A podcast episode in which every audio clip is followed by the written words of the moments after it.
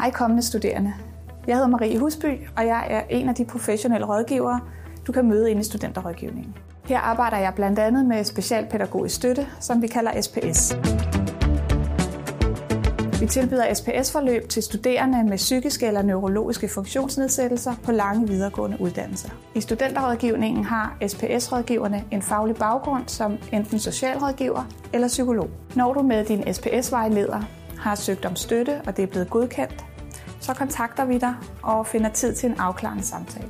Samtalen tager cirka en time, hvor vi spørger ind til dig og dit studie og fortæller mere om SPS hos os. Vi taler om, hvad funktionsnedsættelsen betyder for dit studieliv. På baggrund af det hjælper vi med at finde ud af, hvilken støtte, der er mest relevant. En del af SPS-støtten er studiestøttesamtaler med os i studenterrådgivningen. Her kan vi tale om forskellige ting, der påvirker dit studieliv. Det kan være samtaler, der handler om at indgå socialt på studiet, eller om studieteknikker, f.eks. i forhold til at holde koncentrationen, eller i forhold til eksamensangst. Du har også mulighed for at søge om en studiementor.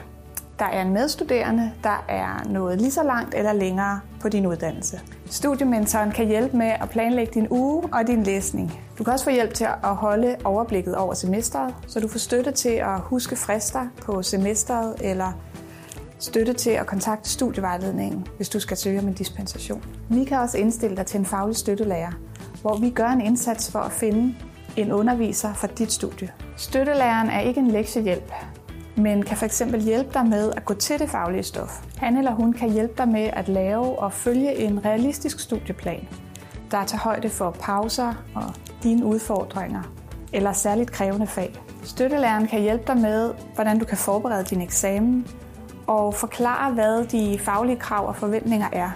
Hvis du får en faglig støttelærer eller en studiementor, så hjælper vi jer godt i gang og evaluerer løbende på jeres forløb.